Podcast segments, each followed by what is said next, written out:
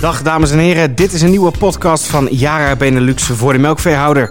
Samen met specialist Theo Koerts werpen we een blik op het grasland. En dat is nodig na een heerlijke vakantieperiode.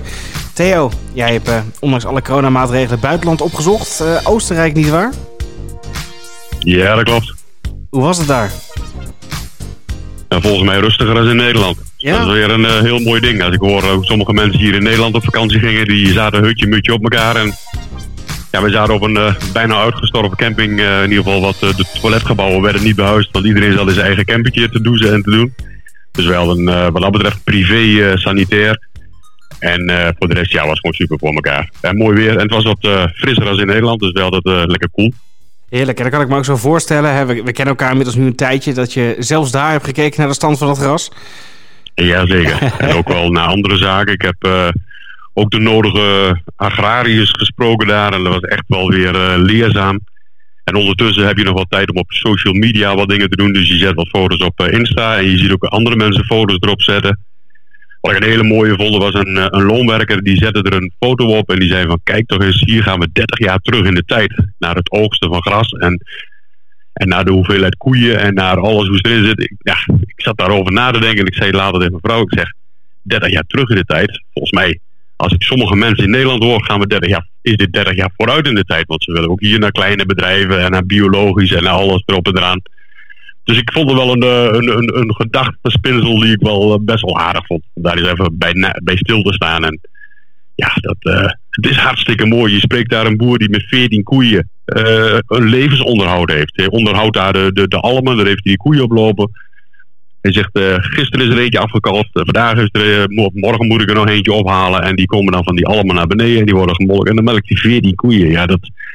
En dan vertel je dat je uit Nederland komt en dat je uit de agrarische sector komt en vraagt, koeien, 2000 koeien heb je thuis?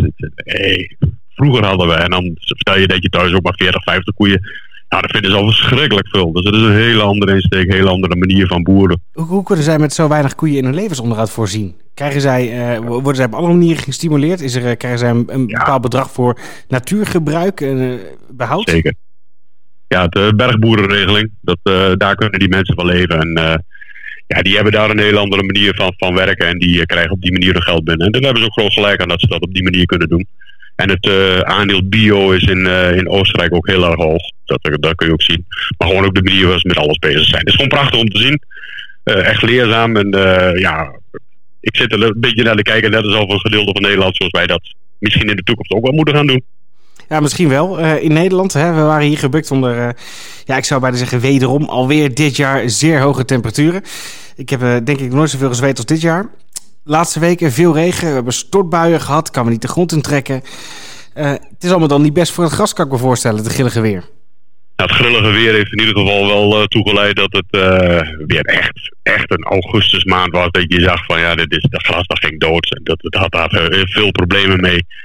En ja, toen sloeg in één keer het weer om. Toen was het van zomer, was het in één keer echt herfst. Er kwam er ook echt met bakken uit de lucht, kwam er naar beneden en de grasgroei is er. Um, kwaliteit valt nog niet mee. Dus het is, ja, we hebben nu weer een, weer een periode dat er weer, weer zat komt. Ja, qua bemesting mogen we niet zoveel meer. Het is nu uh, kijken wat er aan resten nog in de bodem zit, wat er nog komt. En dat nog weer oogsten. En kijken om dat zo goed mogelijk erin te krijgen, in de, in de kuil te krijgen. Om naast de eerste snede te voeren. Er zit alweer eiwit in in dit gras. kwaliteit is er nog niet echt, maar het kan nog wel weer komen. We hebben nog best wel kans dat er nog een mooi nazomer komt. Dus dat, is ook allemaal nog wel best wel iets voor, voor te doen. Ja, dit is wel het moment om ook alvast richting het volgend jaar te kijken. Dus het is ook kijken naar van wat is er in mijn gras gebeurd. Dat gras heeft op zijn kop gehaald. En hoe zit het met je onkruiden? Uh, ja, ga, er naar kijken. En dat is echt een moment om ja, weer van die trekker af te komen. En weer uit die stal te komen. En om door het gras te lopen. En om te kijken van wat je moet gaan doen. En uh, daar gaan we de komende tijd vast nog in een van de podcasts wel over hebben. Ik denk dat we nog iemand een keer op uh, visite krijgen die uh, iets meer over de gewasbeschermingsmiddelen, om daar eens over te sparren, wat, wat daar te gebruiken is en wat er te doen is. Wat voor ontwikkelingen er komen, wat er gaat verboden gaat worden, want er gaat veel verdwijnen aan chemie. Dus dan moet je weer nieuwe dingen uitzoeken, wat werkt en wat niet werkt. Maar kijk in ieder geval wat je eventueel nog aan vernieuwing moet gaan toepassen en dergelijke. Dus dat is, ga er wij in. Ga er wij in. En uh, volgens mij ben jij ook iemand die daar best wel wil, in wil ondersteunen, of niet? als er mensen zijn die daar uh, behoefte aan hebben, ik ga graag mee. Ik vind het hartstikke leuk. Ik, we hebben in onze laatste nieuwsbrief ook een oproep gedaan. Ook een aantal mensen die daarop gereageerd hebben. Maar ik zit nog niet vol. Er kunnen er best nog een paar bij. Helemaal niet erg. Ik vind het ook hartstikke leuk. En om met een melkveehouder door, door de wei te lopen. En onderhand eigenlijk het hele bedrijf even door te spreken. Maar vooral met een nadruk op, op het gras natuurlijk. En de mais. Ja, dus een heuse farmwalk uh, met Theo Koert. We hebben dus weer een, ja, een warme zomer gehad. Um, wordt het de seizoen daardoor misschien ook wel weer langer voor het gras? Ja, dat, uh, zeker. Het, het, het, verschuift weer. Er zit nog zat in de bodem, het groeit. Uh, het ligt eraan wat die temperatuur gaat doen. Kijk, als, als het gewoon netjes warm blijft en uh, zoals we in de afgelopen jaren hebben gehad, ja, dan gaan we door tot december met gras. Dat, is, uh, dat, dat gebeurt gewoon. Uh, een beetje kijken naar de draagkracht en dergelijke. Dus dat is, maar dat, het, het verschuift. Het gaat verder naar het najaar. Dus het is, het is een, een logische zaak. over het algemeen zullen de meeste mensen best nog wel wat kunnen gebruiken. Dus het is ook heel mooi dat er nog wat gras groeit. Om die kuilplaten toch nog even vol te krijgen.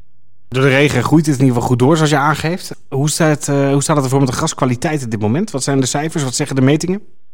Metingen zeggen in ieder geval dat de FEMS uh, wel wat onder druk staan. Maar dat is echt heel erg afhankelijk van welk hoek je zit. Mm. Uh, heb je redelijk wat water gehad, dan heb je best normale, normale kwaliteit voor het najaar.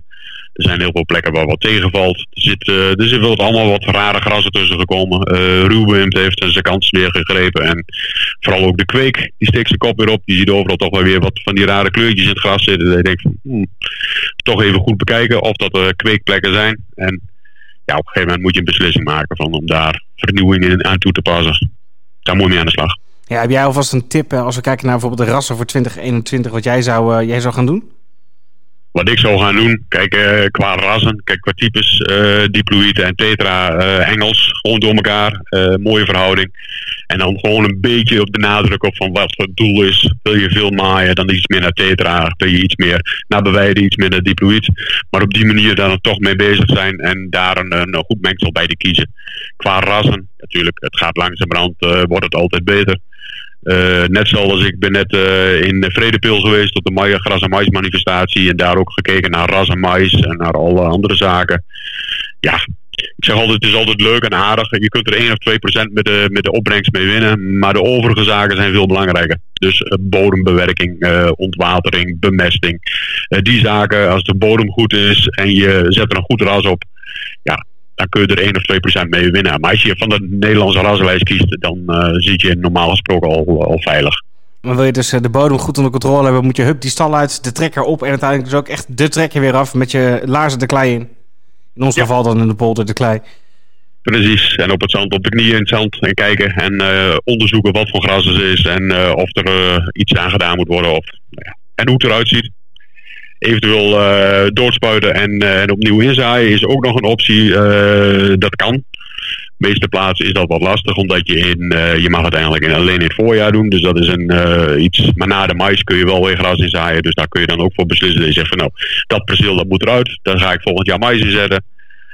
Ja, en dan is het altijd het leuke van ja, hoeveel drijfmest rijden op zo'n zo'n maisperceel. Als er een mooie zode onder gewerkt is en daar hoorde ik eh, dus in Vredepil wel weer een leuke discussie op. En eigenlijk zegt men, kun je met zo min mogelijk drijfmest. Eigenlijk zeggen ze gewoon van geen drijfmest erop. En dan maar gewoon uh, rijenbemesting en dan kun je vooruit. Ja.